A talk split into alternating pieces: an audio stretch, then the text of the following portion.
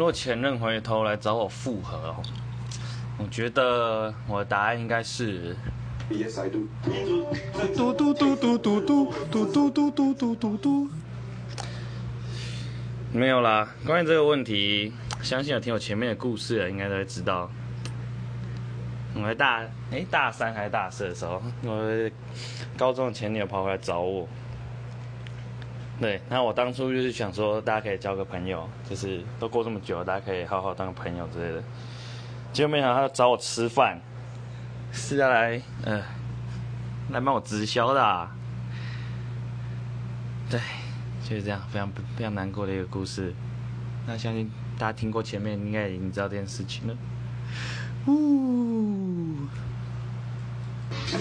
好了，就这样，今天分享到这里，啵啵。